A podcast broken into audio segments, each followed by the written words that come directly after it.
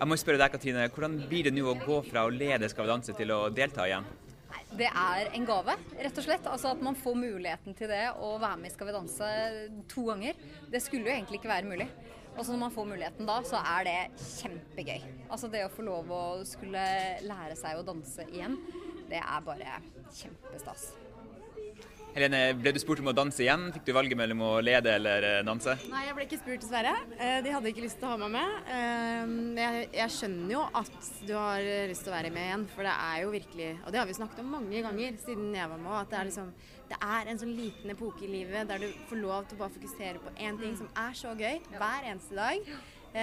Så jeg skulle gjerne gjort det, men når jeg ser den gjengen der, så er jeg litt glad for at jeg slipper å konkurrere. Ja.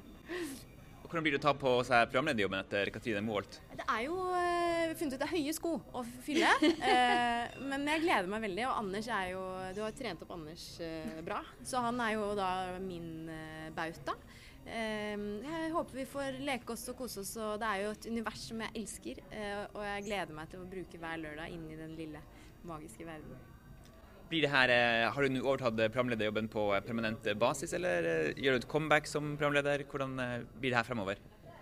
Skal du svare på det, eller? Nei, altså Jeg skal danse jeg nå, og føler at da er sirkelen slutta. Jeg tenker at jeg har vært programleder i ti år. Og det er virkelig på tide å få lov å gjøre noe nytt. Og det å få lov å danse da tenker jeg er kjempespennende.